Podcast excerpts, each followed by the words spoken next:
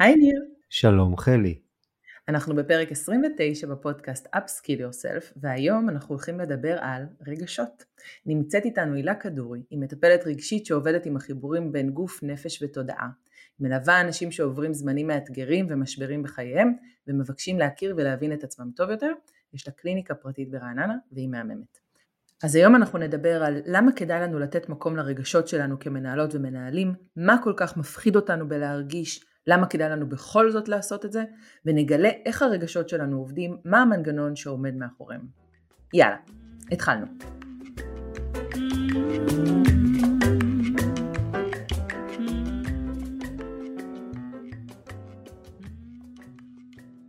הילה, מה שלומך? הכל טוב, תודה. אז אנחנו, אז אנחנו שמחים שאת כאן ואנחנו בפרק שמתעסק באמת בניהול רגשות, ויסות רגשות, נכון? הכלה של רגשות, התמודדות עם רגשות, כן. כל, כל העולם הרגשי הזה. כן. מה באמת הביא אותך לעסוק בשיח הזה, בטיפול הרגשי? אז uh, אני חושבת שקודם כל כאילו נולדתי לזה. זה, זאת התחושה. אבל uh, זה, זה התחיל ממש מילדות, הייתי ילדה כזאת אה, שקטה שמתבוננת על אנשים, ששמה לב למערכות יחסים ולאינטראקציות ולרגשות ו, וגם עניין אותי למה, אה, למה יש ילדים אה, שמחים, כלילים ובעלי ביטחון ולעומתם ילדים שנראים יותר עצובים או, או מבודדים או או שקשה להם, זה, זאת אומרת זה משהו שתמיד אני חושבת שמגיל מאוד צעיר שמתי לב אליו ועניין אותי אה, וגם התמודדתי איתו בעצמי. ואני זוכרת שהיה לי ממש, כאילו יש רגע כזה שאני זוכרת אה, אשתי בת 14 בערך ש, שידעתי שאם אני אמצא תשובה אני, אני רוצה להעביר את זה הלאה, אני רוצה לעזור לעוד אנשים, אם אני אמצא איך, איך אני מרגישה יותר טוב אז אני רוצה, אני רוצה לטפל, כבר ידעתי שאני רוצה לטפל. וואו. ומשם זה, זה התפתח. וואו, מדהים. קודם כל זה, זה מאוד מרגש לשמוע שכבר בגיל 14 ידעת מהי השאלה וגם מהי השליחות. כן, כן, זה לא היה בבהירות שאני רואה את זה היום, אבל אני זוכרת את הרגע הזה ש... של מין ידיעה כזאת, שזה מה שאני רוצה לעשות. וכשחזרתי מהטיול הגדול וכל זה, אז, אז התחלתי לחפש איך, מה אני לומדת, איך אני, איך אני מתקדמת לשם. כן. מדהים, מדהים. זה ממש מדהים. אני חושבת שנראה לי מה שיעניין את המאזינות והמאזינים שלנו, זה למה אנחנו בכלל מתעסקים בנושא הזה. מה, מה קשור? סבבה, זה רגשות זה סבבה. תתעסקו בזה בבית. אנחנו צריכים להתעסק על זה בפודקאסט שמדבר בכלל על ניהול, על soft skills, על מה, מה הקשר? אז מה לדעתך הקשר, הילה? אז לדעתי הכל מתחיל מאיך שאנחנו מרגישים. כל היבט בחיים שלנו קשור למצב הרגשי שלנו. וככל שהמצב הרגשי שלנו יותר טוב, שאנחנו מרגישים תחושות כמו שמחה בסיסית, הנאה ממה שאנחנו עושים, תחושה של ביטחון, תחושה של מסוגלות, אה, אה, רוגע, אז שאר ההיבטים של החיים שלנו הם אה, מושפעים מזה מאוד. אז זאת אומרת שיהיה לנו יותר קל להתרכז ואנחנו נהיה יותר בהירים ויותר קל להחליט מה חשוב מה פחות חשוב ו- ותקשורת ויחסים בין אישיים ו- וכמובן כל מה שקורה בגוף שלנו. כמה מתח יש בו כמה אנחנו סובלים מסימפטומים כאלה ואחרים אז בעיניי זה הדבר אה, הכי חשוב להתייחס אליו ולטפל בו כי משם ככל שה, שהחוויה הרגשית שלנו יותר טובה ו, ומאוזנת רוב הזמן, כמובן שאי אפשר כל הזמן, אבל אז, אז החיים שלנו הם, הם יותר איפה שאנחנו רוצים שהם יהיו.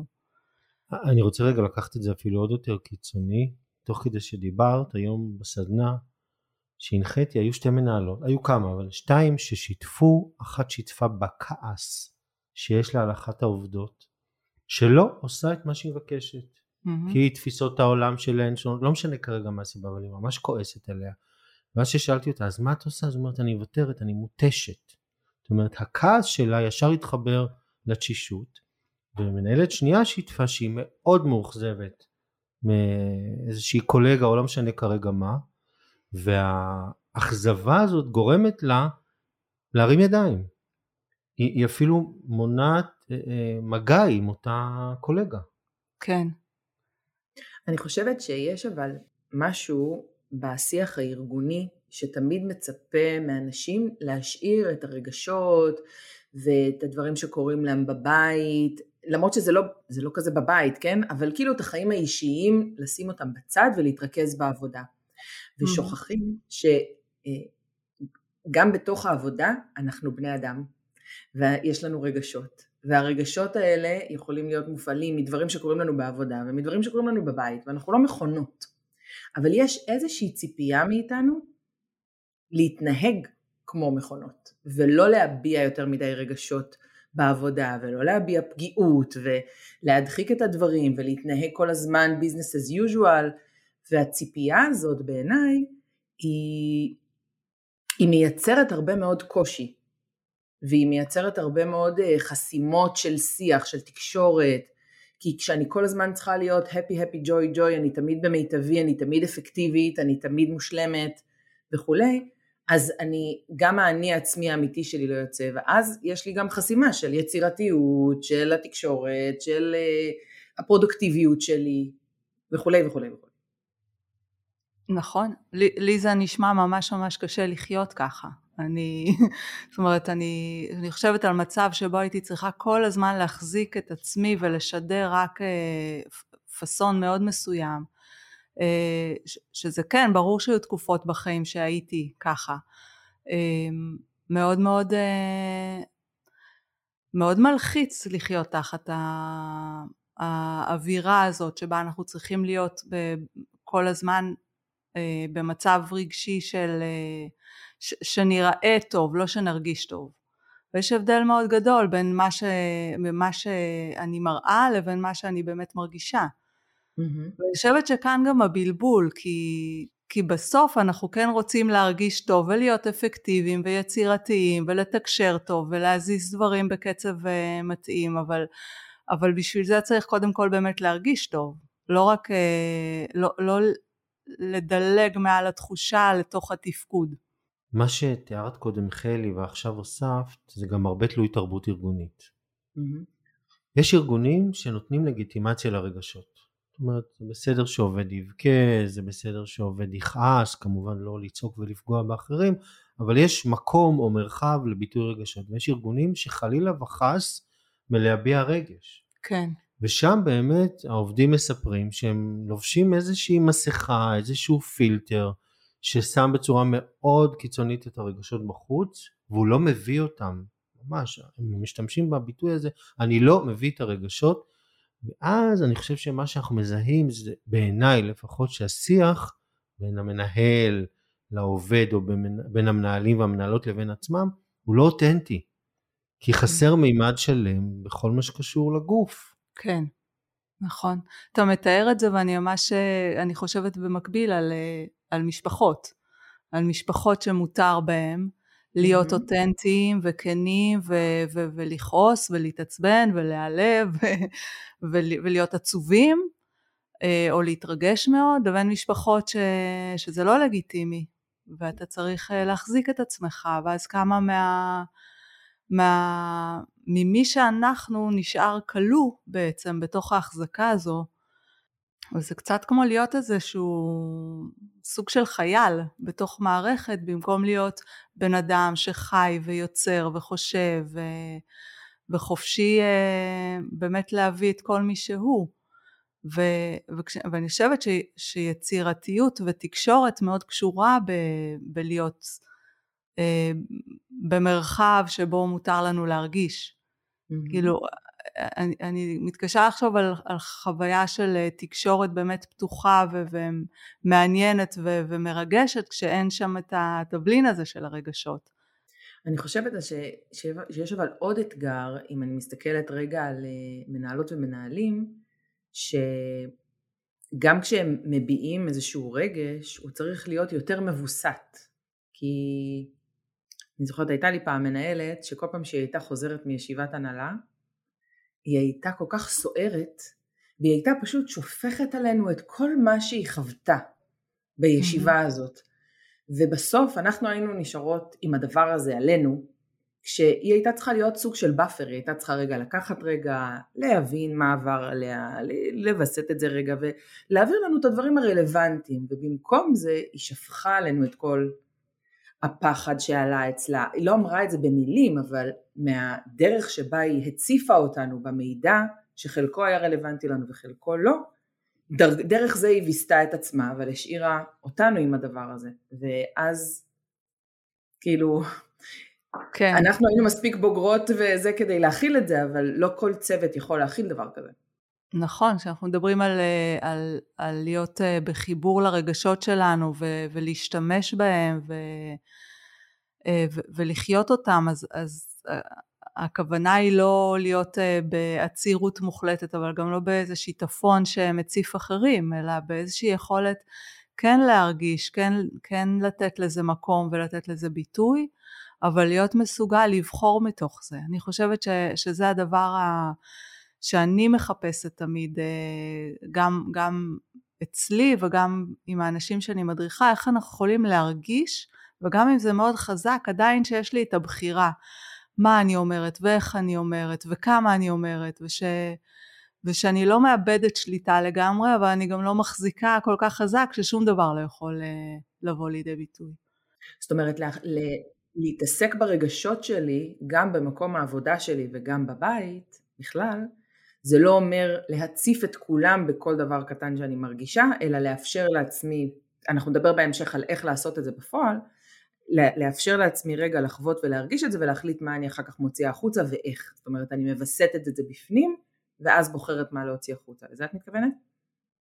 כן, גם, גם לפני, אם יש לי את הרגע הזה לקחת רגע את הנשימה הזאת ואת היכולת uh, לשים לב מה אני רוצה, אבל גם בתוך כדי, אנחנו, אנחנו יכולים ללמוד את זה, בין אם uh, הנטייה שלנו היא להחזיק ובין אם הנטייה שלנו היא לשפוך הכל החוצה, אנחנו יכולים ללמוד איך... Uh, אה, קראתי לזה עם, עם אה, אחת המודרכות שלי, זה, זה כמו לקבל מיומנות בשליטה שבברז, או בווליום של המוזיקה. אנחנו יכולים לקבל מיומנות ב...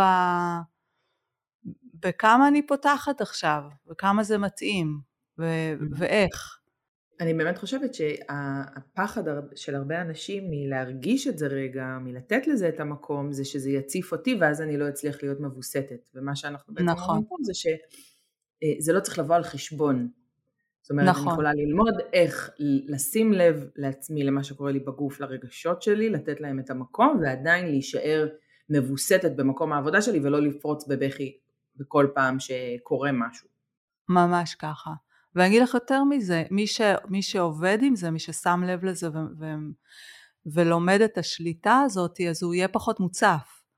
כי לא מצטבר אצלו כל כך הרבה רגש. הרי ההצפה הזאת נובעת מזה שצברתי, צברתי, צברתי, צברתי, החזקתי, ואז פתאום יש איזה רגע שאי אפשר יותר. ממש כמו בטבע עם, אה, עם זרם של מים שנחסם באיזשהו סכר, באיזשהו שלב המים אה, עולים על גדותיהם.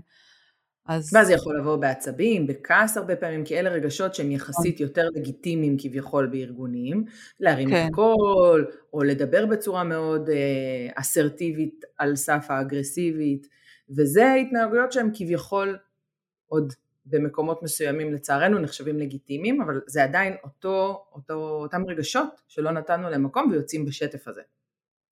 או שזה איזושהי הסבה של הפחד שלה, שלנו. זאת אומרת, mm-hmm. אני, אני מפחדת, אני מרגישה חסרת ביטחון בגלל איזשהו משהו, או משהו מאתגר אותי שם, וזה לא לגיטימי להרגיש את זה, וזה עובר איזו טרנספורמציה לכעס, לחוסר סבלנות mm-hmm. או לעצבים, כי זה יותר לגיטימי בעולם שלנו לכעוס מאשר לפחד.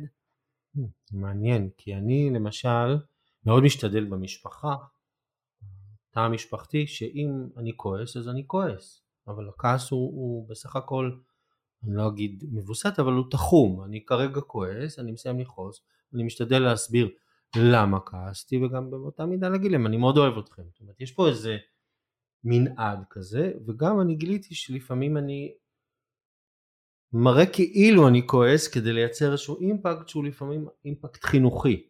אוקיי. Okay. מאוד, אני, אני שומע שאת אומרת, וזה מאוד חשוב, העניין של המודעות לדבר. נכון. ו, ו, אבל מצד שני רגשות, זה לא תמיד משהו שהוא נשלט, אני יכול להיות מודע ואני משתדל להיות מודע, ולפעמים דווקא רגש שמתפרץ כרגע הוא מצוין.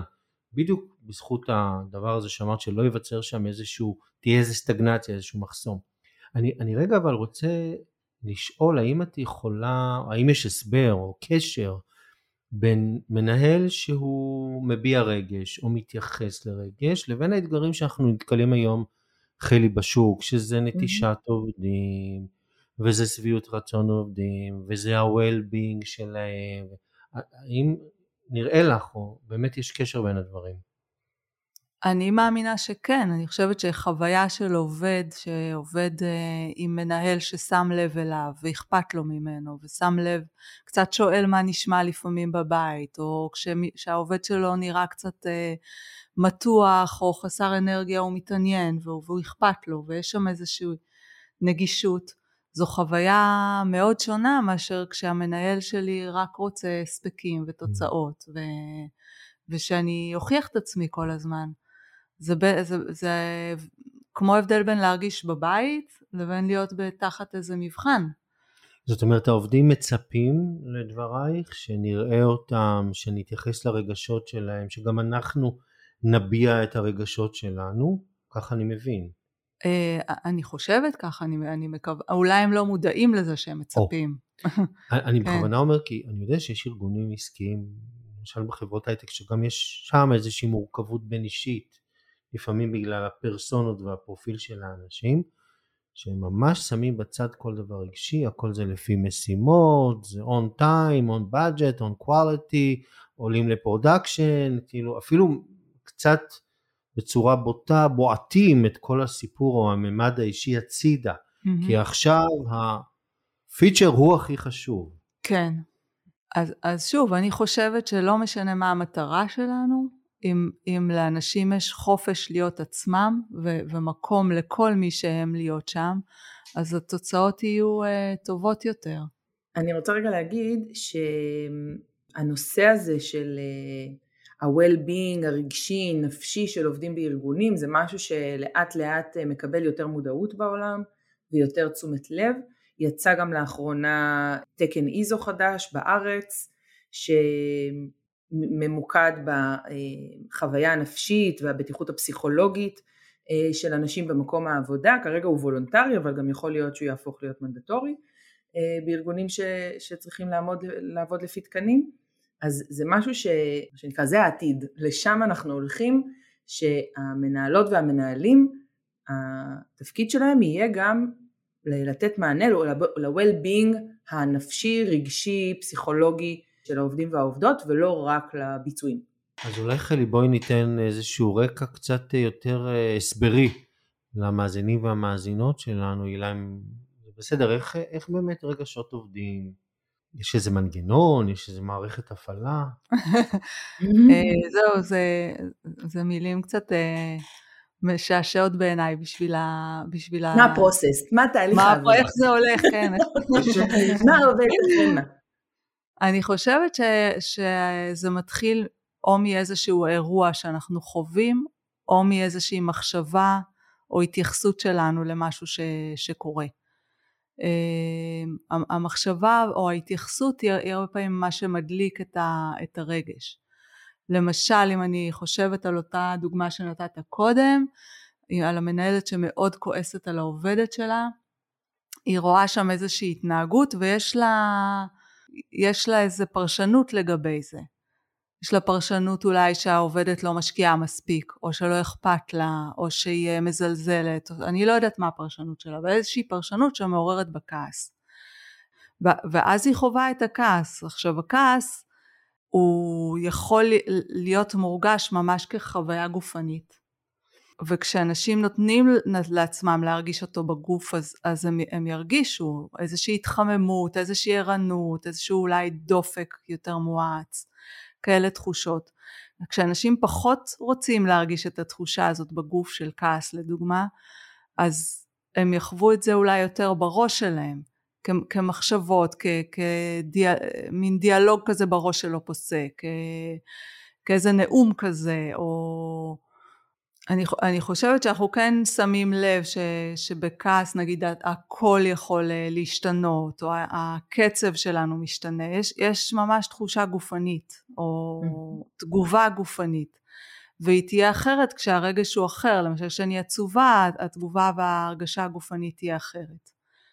אז יש איזשהו אה, טריגר שמעורר את הרגש בין אם זה אירוע לא יודעת מה עשיתי טעות לי, היה לי פרויקט להס, אה, להגיש אה, ופספסתי שם משהו ואני מגלה שהפספוס הזה הוא מהותי. ועכשיו אני צריכה אולי להתחיל הכל מחדש. אז אני, יש איזה רגש כזה של בהלה. ואז הבהלה הזאת היא, היא, היא מורגשת גם כ, כחוויה גופנית וגם ככל מיני מחשבות שיש לנו בראש. עכשיו השאיפה שלי ולעזור לאנשים יותר לתת, לרדת קומה מהרעש הזה בראש ולתת רגע מקום לתחושה בגוף. כי כשאנחנו מצליחים להכיל אותה ורגע לנשום איתה ולתת לה להיות ואז להירגע, אז קל לנו יותר לבחור מכאן מה הלאה. אני חושבת שגם הרבה פעמים התחושות גוף האלה מתבטאות בצורה חזקה לצורך העניין אני יכולה להרגיש גוש בגרון אני יכולה פתאום להרגיש אה, שהכתפיים שלי נתפסות, או אפילו כאב בטן, זאת אומרת אנחנו מרגישים את נכון. הרגשות האלה, אנחנו לא תמיד מבינים את הקשר בין השניים, זאת אומרת זה שנתפס לי הגב או הצוואר, אה, או שפתאום הלסת שלי מאוד, אה, לא יודעת מה, מוחזקת, אנחנו לא מבינים את הקשר לזה שזה איזושהי תגובה רגשית שלנו. אני חושבת שהעצירות האלה שאת מדברת עליהן, שתכף גם נרחיב עליהן, אה, ולשים לב למה שקורה לי בגוף, זה יכול לעזור לי להבין בכלל שיש פה איזה רגש, כי אנחנו כל כך רגילים ורגילות להדחיק את זה ולהמשיך הלאה ולהתקדם, ואם אנחנו מרגישים פתאום משהו לא נעים אז אנחנו ניקח את הטלפון ונהיה בטלפון רגע, או נתעסק במשהו אחר כדי להעביר את זה הלאה, ואז אנחנו פשוט מפספסות את כל הדברים שקורים לנו מתוך הרצון הזה להמשיך ולהתקדם הלאה. נכון. אני חושבת שמה שקורה להרבה אנשים, אה, בגלל שהם לא ערים ולא מודעים לתחושות הגוף שלהם ולרגשות שלהם, הם, הם חווים מין חוויה די אה, כללית של סטרס. יש איזשהו מתח אה, תמידי, שאני לא יודעת אפילו מה ההתחלה שלו, מה הסוף שלו, לגמרי עד הסוף מה הגורמים שלו, אבל אני, אני, יש איזה וזה משהו שמאפיין המון אנשים היום ש, שעובדים ב, במסגרות אה, מלחיצות או עם, דר, או עם דרישות גבוהות. אנשים חי, חיים ברמה של סטרס מאוד גבוהה. ואת הסטרס הזה, כשמתחילים לשים לב אליו ו, ולהתעניין בו, אז אפשר לגלות שיש שם רגעים של בהלה ורגעים של אה, כעס או רגעים של אה, לא יודעת כל מיני תחושות אפילו אפילו התרגשות אה, שהיא חוויה שהיא, שהיא חיובית בסך הכל יכולה להיות גם מהנה. אם אנחנו לא רגע נותנים לעצמנו שנייה אה, הכרה ותשומת לב לזה שאני מרגישה התרגשות עכשיו אז, זה גם יכול להפוך לחוויה של סטרס בסופו של דבר. קודם כל תודה. את עכשיו תוך כדי שדיברת הצפת בי זיכרונות של רגשות שהיו בשבוע mm. האחרון. סדרה שלמה, מנעד שלם, כעס ופחד פחות, אבל היה צער והיה המון צחוק. ואני פתאום חושב על זה שאדם ש... או מנהל או מנהלת שהם לא חווים את הרגשות, הם קודם כל באיזשהו נתק עם עצמם או מעצמם, וברגע שיש נתק אז הרגשות כמו שאמרת שוקעים, מצטברים ובאמת נוצר איזשהו סטרס, נוצרת חוויה של איזשהו עומס בלתי נפסק. הם נכון. לכאורה כאילו לא, לא נחים. נכון. כי הם כל הזמן יש איזשהו מטען על הצפה, על הצפה כל הזמן.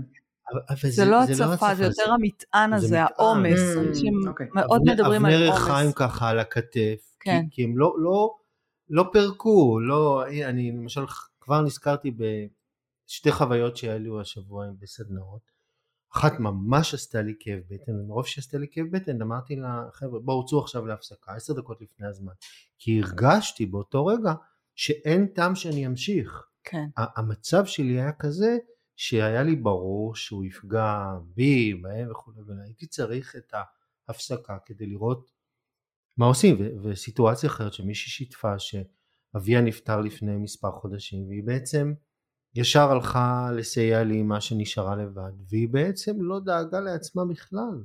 Mm-hmm. אז תוך כדי השיח במהלך סדנה היא אומרת רגע אני רק עכשיו התחלתי לעשות עיבוד לתהליך האבל או לעצב שאני חווה. כן. וזה בול זה. נכון. וזה מה שאת אומרת הוא קריטי בעיניי שכל מנהל או מנהלת, בסדר, בואו נתחיל עם זה שנהיה מודעים לרגשות שלנו. שנזהה עכשיו כל אחד, אז אולי רגע תני לנו איזושהי סקאלה או קצת קטגוריות, או על איזה רגשות אנחנו מדברים. מה זאת אומרת? דיברנו על כעס, דיברנו על עצב, דיברנו על פחד, דיברנו על שמחה, איזה עוד רגש, איזה עוד מנעד יש? אוקיי. מגוון. אמ, יש קנאה, יש מבוכה. מצוין. יש בושה, יש אכזבה, יש חשש, שהוא כמו האח של הפחד. זה הכל אה, מין מילים כאלה גדולות וכלליות להרבה מאוד תחושות. כי הפחד שיש לי אה, לקראת, לא יודעת מה, שיחת העלאת שכר עם המנהל שלי, הוא שונה מהפחד שיש לי אה, לפני כנס גדול שאני אפגוש קולגות שלא ראיתי שלוש שנים ומעניין מה שלומם ומה הם יחשבו עליי והוא שונה מהפחד שיש לי כשאני צריכה לעמוד באיזה דדליין ויש לי עוד המון להספיק ואני לא יודעת איך אני אסתדר עם זה, זאת אומרת, זו מילה אחת אבל, אבל התחושה היא מאוד מגוונת. או תחושת חוסר מסוגלות של האימפוסטר סינדרום שאני מרגישה מתחזה ושבעצם אין לי הרבה ערך לתת. ברנה בראון הוציאה לאחרונה ספר שנקרא Atlas of the Heart שיש בו בעצם שיום של 87 רגשות שונים כי אנחנו הרי רגילים להגיד פחד, כעס, עצב, עצב, עצבים בסדר? זה כאילו בגדול זה יש לנו והיא ממש הצליחה לשיים 87 רגשות שונים אז אה, שווה ככה כן, שווה לי לראות את זה. כן. אומרת, וגם בתוך ה-87 האלה, אז, אז יש, את ה, יש את הגוונים. Mm-hmm. אני מדברת על קנאה, יש כל מיני תחושות של קנאה, כן? Mm-hmm. או עוצמות של קנאה, או... אמ, כן. אני, אני, אני רוצה לשתף אתכם אה, שאני עברתי תהליך מאוד מאוד גדול בהקשר לכל מה שקשור לרגשות, הילה מה, היא הייתה חלק מהתהליך הזה. כשאני הייתי, לא יודעת, בתואר השני שלי פחות או יותר, שמתי לב, בסביבות גיל ה-20 ומשהו, שמתי לב שאני לא מרגישה כלום.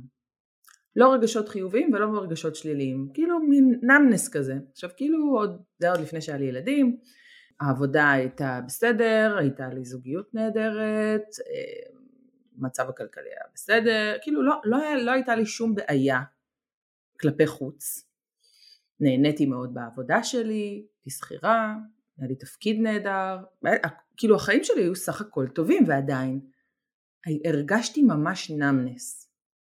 ואז היה לי קורס אה, בתואר השני, שבעצם אה, זה היה כמו מין, אה, אחותי קוראת לזה קבוצת חיבוקי. כאילו מין כזה קבוצה דינמית כזאת שאמורים לדבר קצת יותר לעומק, גם על רגשות, ואני כזה למה אתם מדברים איתי על רגשות חבר'ה? מה קורה? מה קשור? אין צורך להרגיש רגשות שליליים, זה ממש מיותר. והייתי ממש בתפיסה של להרגיש רגשות שליליים זה מיותר, כאילו אין לי למה לחוות את זה, זה פשוט כאילו, אני פשוט אעביר את זה הלאה. ו... והבנתי בקבוצה הזאת שזה לא טוב, והתחלתי לקרוא מחקרים על זה, על מה קורה לנו כשאנחנו מפסיקים או לא מוכנים להרגיש רגשות שליליים ולהיות כל הזמן ב state הזה של happy happy joy joy. Mm-hmm. וגיליתי שכשאנחנו לא מרשים לעצמנו להרגיש רגשות שליליים אנחנו גם לא מרגישים רגשות חיוביים כי בעצם אנחנו מפסיקים את המנגנון הרגשי הזה. וזה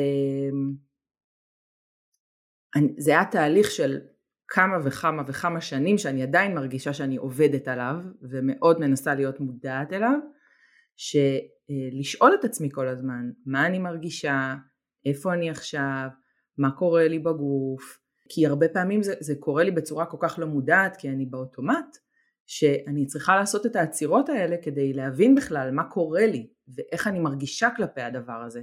ואז כשאני מסכימה לעצור ולשאול את עצמי את השאלות האלה, פתאום הדברים עולים.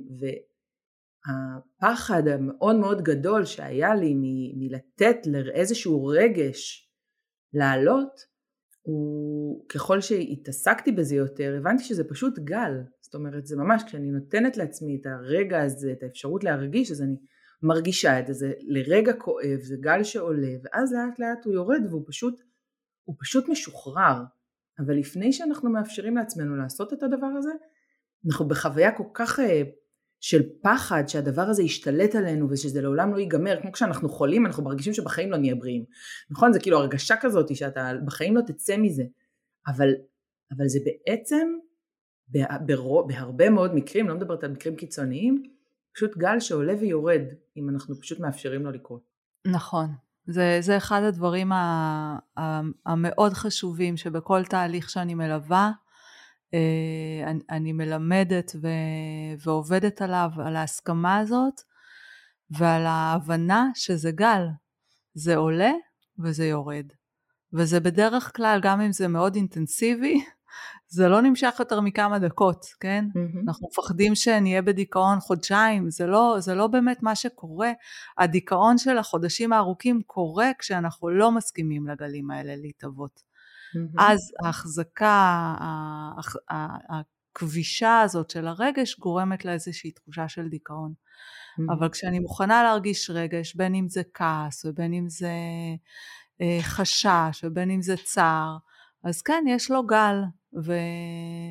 וככל שאני ככה מתמסרת לגל, ממש כמו בים, כשאנחנו ככה מתמסרים לגל שיעלה אותנו ואז יוריד אותנו, אז uh, אנחנו מגלים ש, ש, שיש בזה אפילו משהו נעים. אז אני רוצה רגע לחרוג ממנהגנו. יאללה. ולהקריא שיר עכשיו. תגידי לי מה דעתך עליו. אוקיי. זה, זה ממש כאילו... יצא עכשיו מה, מה, מהשיח, קודם כל חלי ריגשת אותי. אני, אנחנו מכירים אי אלו שנים, נכון. אבל האופן שבו עכשיו הצגת דברים בעיניי היה כל כך אותנטי וכל כך אה, מוחזק מצד אחד, מצד שני אבל כל כך חשוף שריגשת אותי תודה, ואז את אמרת את מה שאמרת והשיר הבא קפץ. השיר נקרא מבוקש של אדמיאל קוסטמן. מכירה את השיר? לא. וואי. מבוקש מקום שקט עליו תונח הנפש, לכמה רגעים בלבד. מבוקש מקום שישמש מדרך לכף הרגל לכמה רגעים בלבד. מבוקש עציץ, עלה, גבעול או שיח שלא יקום ויתקפל כשהיא תבוא לכמה רגעים בלבד. מבוקש דיבור אחד, נקי, נעים וחם, שישמש ספסל, מקלט, למי שהיא, קרובה שלי, ילדה יונה, נפשי שלי, אשר יצאה מן התיבה לכמה רגעים בשעות הבוקר, ולא מצאה מאז מנוח לרגלה. וואו, נירגו, איזה מרגש. מקסים, ממש. תודה. זה אדמייל קוסמן, הוא באמת ענק. הוא כותב שירים שהם בדיוק מתארים את זה, ותיארת לי ממש את, ה, mm. את התהליך הזה. אז, אז אני רגע שואל בהקשר של זה, אנחנו יודעים שבהרבה ארגונים, גם אם מישהו כבר מביע רגש שלילי, ישר אה, יש איזה מין אה, התעוררות של בוא, בוא, בוא, בוא נרגיע, בוא, בוא, בוא נכסה, בוא נתקן, בוא, בוא, זה, זה, לא, זה לא בדיוק ככה, או ישר רצים לתת לו מענה ופתרון, זאת אומרת, אין את השהות הזאת רגע ברגש, בסדר, אז דקה הוא כועס, מה, מאיפה זה מגיע? אה, וואו, שוב אתה מדבר ואני ממש רואה הורה וילד, כן, כמה אנחנו מוכנים כשהילד שלנו כועס, רגע לתת לו שהות לכעוס, רגע להכיל את זה. שנייה לשמוע את הצרימה הזאת באוזן. אה, אני חושבת שאנחנו נלחמים בזה מאוד, בין אם אנחנו הורים ובין אם אנחנו מנהלים, כי זה נוגע בנו. זה נוגע בנו וזה מאיר איזושהי תחושה בתוכנו שאנחנו מכירים מה זה להרגיש ככה. אנחנו מכירים מה זה להרגיש כזה כעס, או כזה חוסר אונים, או כזה תסכול, וזה לא נעים. זאת לא תחושה נעימה, ובגלל שזה לא נעים, אנחנו לא רוצים את זה. אז אנחנו מנסים שייפסק כמה שיותר מהר. אז אנחנו בעצם עושים הפוך ממה שאנחנו אמורים לעשות, אנחנו אמורים לפי מה שאת אומרת באותו רגע להכיל את הרגש ולשהות עם אותו אדם ולהיות איתו, ואת אומרת אנחנו עושים לו פושבק. נכון. ואז השאלה באמת, לי לא נעים להיות בסיטואציה כזאת, איך אני מכיל עכשיו רגשות כאלה של העובד? אז קודם כל אני, אני רוצה להגיד רגע לחזור אחורה למונח הזה בכלל אה, ש, שדיברתם עליו רגשות שליליים אמ, ולהגיד ש, שבעיניי אין רגש שהוא שלילי. אין, אם, אם, אם אנחנו מרגישים את זה אז סימן שיש לזה חשיבות אה, ומשמעות ו, ו, ויש לזה כוח ויש לזה צורך. אז איך תקראי לזה? כי לא, זה לא כמו שמחה, כן. זה רגע שמעורר נכון. בי משהו שהוא כואב. הוא לא נעים. כן, כן נכון. לעומת נניח שמחה או אהבה שמרחיבים לי את הלב, אז, אז איך תקראי נכון. לזה אם לא רגע שלילי? אז אני, אני ככה חושבת על זה ככה, ואני משחקת עם זה, אני, אני, אני חושבת על זה כעל רגע שיותר אה, מאתגר, או רגשות מאתגרים, או רגשות שלא נוחים לנו אה, לחוות אותם. אבל אה, שמעתי לאחרונה ראיון עם, עם אסתר היקס, והיא סיפרה שם שהם משווים את הרגשות המאתגרים האלה או השליליים האלה לחריצים הצהובים האלה בצידי הכביש. אה, אנחנו רוצים להיות בשמחה, באהבה, בלב הפתוח והרחב, אבל אנחנו סוטים משם לפעמים, ואז יש את הצרימה הזאת, את הטרור הזה של, ה, של החריצים האלה, וזה הרגש הפחות נעים שאנחנו חווים. שהמטרה שלו בעצם הוא להראות לנו ש, שקצת זזנו, או שקרה משהו, שמבקש את תשומת הלב שלנו.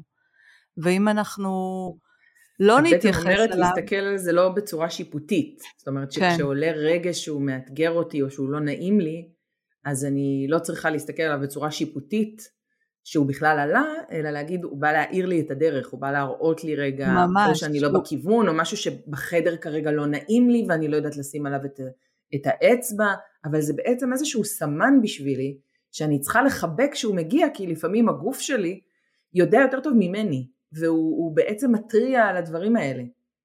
נכון, ממש ככה. זה קריאה לתשומת לב, זה קריאה לחיבור לעצמנו. אז אני מרגישה נגיד תסכול אה, או מתח גדול, אז, אז זה קריאה לשים לב מה, מה לא בסדר, מה אני צריכה, מה צריך להשתנות, אה, על מה אני צריכה לדבר. מתוך החיבור ותשומת הלב אני יכולה קודם כל לתת לרגש הזה מקום ולתת לגל הזה כמו שתיארת להיות. ואז גם הרבה פעמים מגיעות תובנות. זה אחד הדברים המאוד מאוד יפים ב... שאני רואה בטיפולים.